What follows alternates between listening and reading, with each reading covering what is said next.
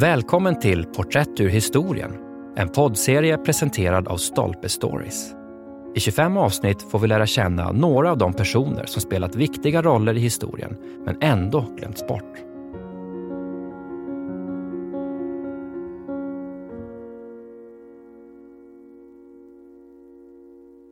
John MacDonald. En pokerspelande popularisator av spelteori. Av Lawrence Friedman. Under förra seklets andra hälft blev spelteori ett viktigt analytiskt verktyg inom samhällsvetenskapen och för dem som reflekterade över olika sorters strategier i hanteringen av allt från affärskonkurrenter till motståndare i kärnvapenkrig. Den tillhandahöll ett sätt att tänka på strategi i abstrakta banor, helt åtskilt från dess traditionella koppling till krigsvetenskap. Genom att möjliga utfall presenterades med hjälp av en 2x2-matris visade den hur strategiska drag vilade på förväntningar om andras drag och hur denna insikt kunde användas för att tänka ut bättre drag. Den möjliggjorde utforskningar av hur en konflikts struktur påverkade mänskligt beteende. Kunde spelarna exempelvis kommunicera med varandra? Spelteorin uppfanns av John von Neumann, ett matematiskt snille från Ungern. Han fick på 1920-talet idén att tillämpa sannolikhetsteori på poker. Sedan han utvandrat till USA och kommit till Princeton slog han sig ihop med en annan emigrant, den österrikiske ekonomen Oskar Morgenstern, som såg de bredare möjligheterna i von Neumanns idéer. Tillsammans publicerade de 1944 den klassiska boken The Theory of Games and Economic Behavior. Den var 641 sidor lång och långt ifrån lätt att läsa. Författarna medgav att en läsare skulle behöva sätta sig in i det matematiska sättet att resonera på en avgjort högre nivå än de slentrianmässiga, enkla stadierna. Boken uppmärksammades av tankesmedjor som Rand Corporation, men blev knappast någon storsäljare. 1947 blev de kontaktade av John MacDonald, en journalist som arbetade för affärstidskriften Fortune. Han hade skrivit en del uppskattade böcker om fiske, en hobby som han hade börjat med i början av 1930-talet. Och nu försökte han skriva seriösa texter om några av sina övriga intressen, däribland kortspel. Men han var missnöjd med sina första utkast och sökte en ny infallsvinkel. En kollega på Fortune, ekonomen John Kenneth Galbraith, berättade då om von Neumann och Morgenstern McDonald tyckte att akademisk spelteori lät lovande och satte sig i förbindelse med dem. Och de gick med på att bli utförligt intervjuade om sina idéer. Efter att ha publicerat två artiklar i Fortune vidareutvecklade han sina tankar i en kort medryckande bok som kom ut 1950.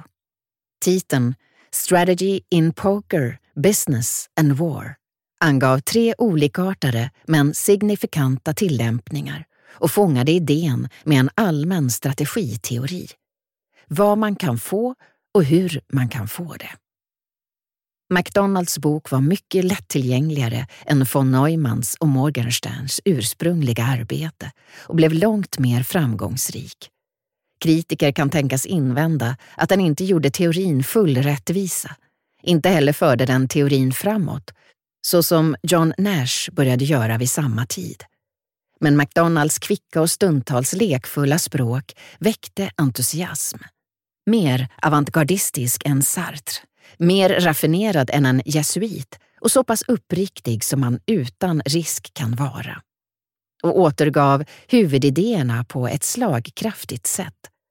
Istället för tunga matematiska bevis innehöll boken serieteckningar gjorda av en av McDonalds vänner, Robert Osborne. Utgångspunkten var att poker var ett slags laboratorium för mänsklig erfarenhet.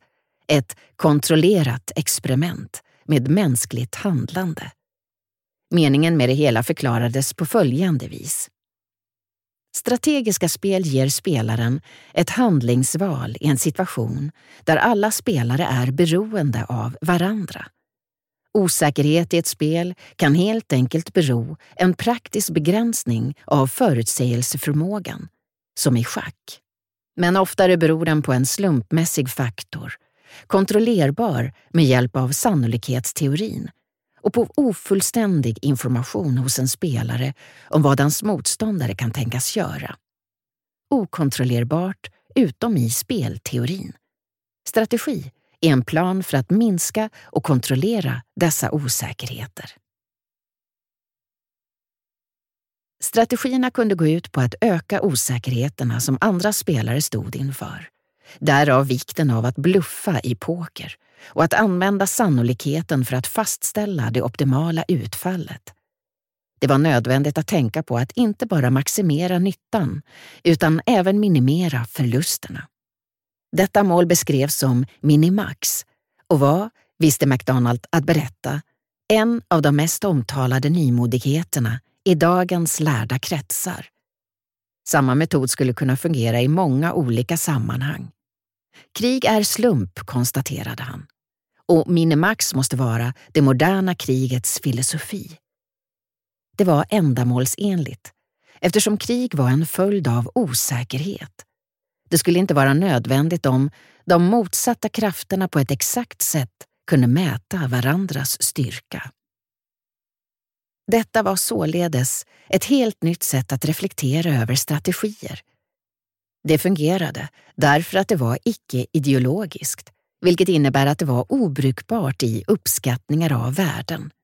Det var en teori full av fantasi men utan magi, som inbegrep en logisk operation med en ovanlig förveckling som kan följas till den matematiska kalkylens gräns. MacDonald hade börjat på Fortune 1945 och stannade där som skribent och redaktör fram till 1971. Vid den tiden stod tidskriften på höjden av sitt inflytande. Den hade inte bara läsare i näringslivet. Ägaren Henry Luke hade samlat ett respektingivande stall av skribenter som gavs utrymme att undersöka frågor utförligt och på djupet. Än mer exceptionellt var det att en betydande andel av dessa skribenter stod på vänsterkanten. Som Galbraith konstaterade hade republikanen Luke upptäckt att duktiga näringslivsskribenter med sällsynta undantag var antingen liberaler eller socialister. McDonald hörde till den kategorin.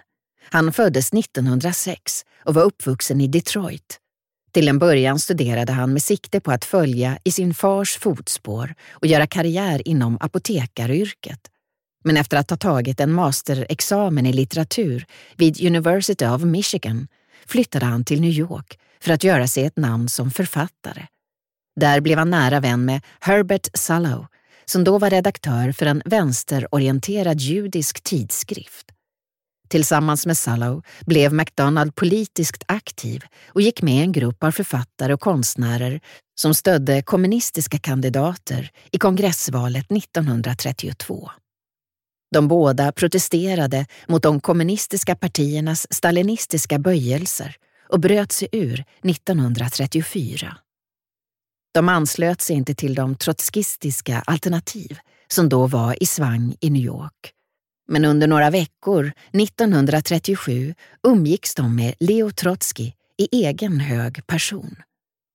1937 värvades McDonald av Salov till en grupp av skribenter som arbetade för en kommission vars ordförande var den aktningsvärde filosofen John Dewey och som skulle granska de anklagelser som hade riktats mot den landsflyktige revolutionären i de stalinistiska skenrättegångarna året innan Sullows grupp hade i uppdrag att översätta och förbereda dokument till kommissionen och att tillhandahålla skydd och även mat så att Trotsky inte skulle bli förgiftad.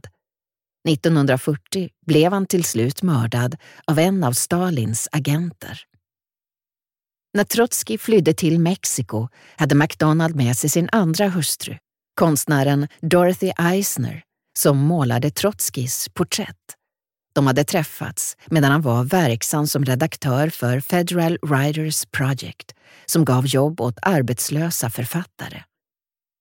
Efter kriget, under vilket han hade arbetat för en stiftelse som stödde regissörer av undervisnings och dokumentärfilmer, gick han tillsammans med Salo över till Fortune. Med sig från sitt tidigare liv bland olika vänsterfraktioner som bekämpade varandra hade han kanske först och främst ett intresse för strategi. Det var i alla fall ett intresse som han aldrig förlorade. Efter framgången med Strategy in Poker, Business and War fortsatte McDonald att ägna sig åt spelteori och dess tillämpningar. Och han skrev artiklar om hur beslut fattas i affärslivet. Han hade ett nära samarbete med akademiker om strategiskt beslutsfattande i starkt konkurrenspräglade situationer. En bok som han skrev efter pensioneringen, The Game of Business, som kom ut 1975, var mer svårläst men rymde en del innehållsrika fallstudier. Hans viktigaste bidrag till företagsekonomisk teori var emellertid en bok som han endast anges vara redaktör för, fastän han i själva verket skrev det mesta av den. 1954 började han samarbeta med Alfred Sloan, som då var styrelseordförande och före detta VD för General Motors, ett kapitalistiskt vidunder med mer än en miljon anställda. Sloan hade byggt upp företaget under mellankrigstiden i stark konkurrens med Ford. McDonald hade tänkt att de tillsammans skulle skriva några texter om företagsledning. Men istället beslöt de att författa en hel monografi om Sloans 50-åriga yrkesbana.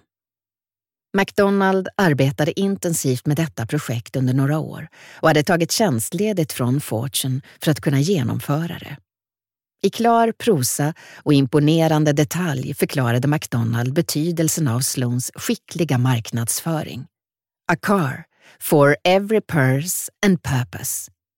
Och även organisationsutformning med en modell för maktdelegering där varje bilprisklass hade sin egen division och varje enskild verkställande direktör gavs avsevärda befogenheter av ledningen. My Years with General Motors betraktas numera som en klassiker i näringslivslitteraturen. Ändå var det nära att boken aldrig gavs ut.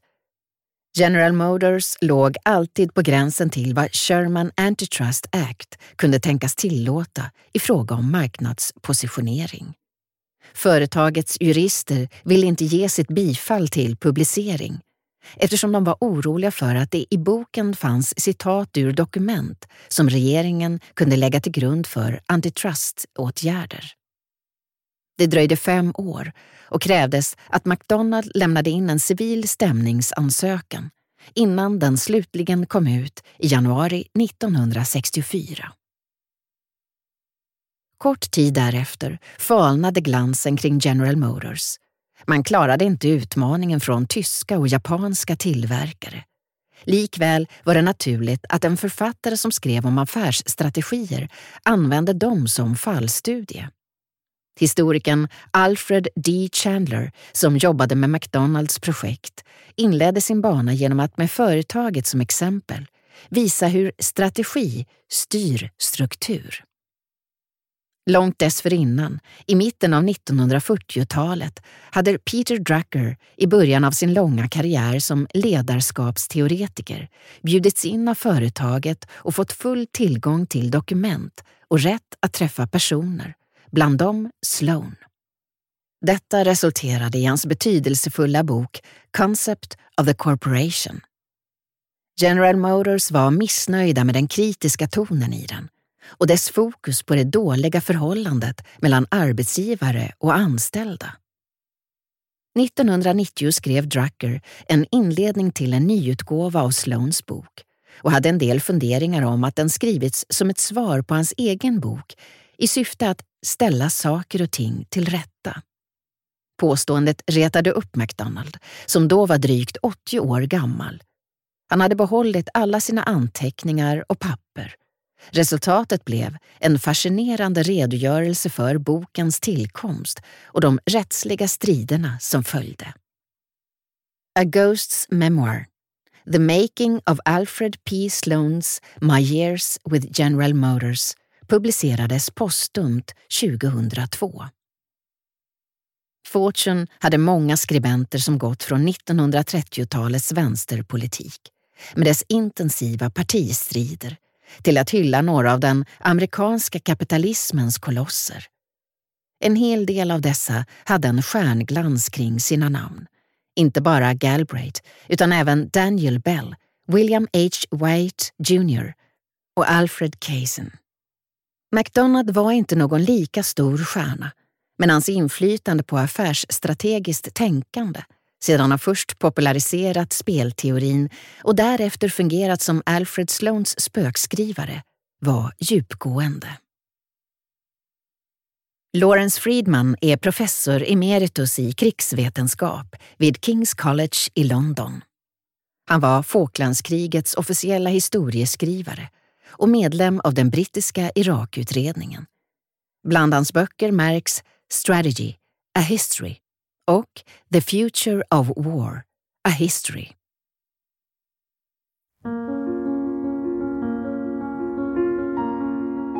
Du har lyssnat på poddserien Porträtt ur historien som presenteras av Stolpe Stories och inläst av Mimmi Kandler. Serien är baserad på essäsamlingen Porträtt, människor som formade sin samtid men som historien glömde. Essäsamlingen finns ute nu. Glöm inte att du som lyssnar har 20% rabatt på alla bokförlaget Stolpes titlar på Bokus.com. Ange rabattkoden STOLPE20.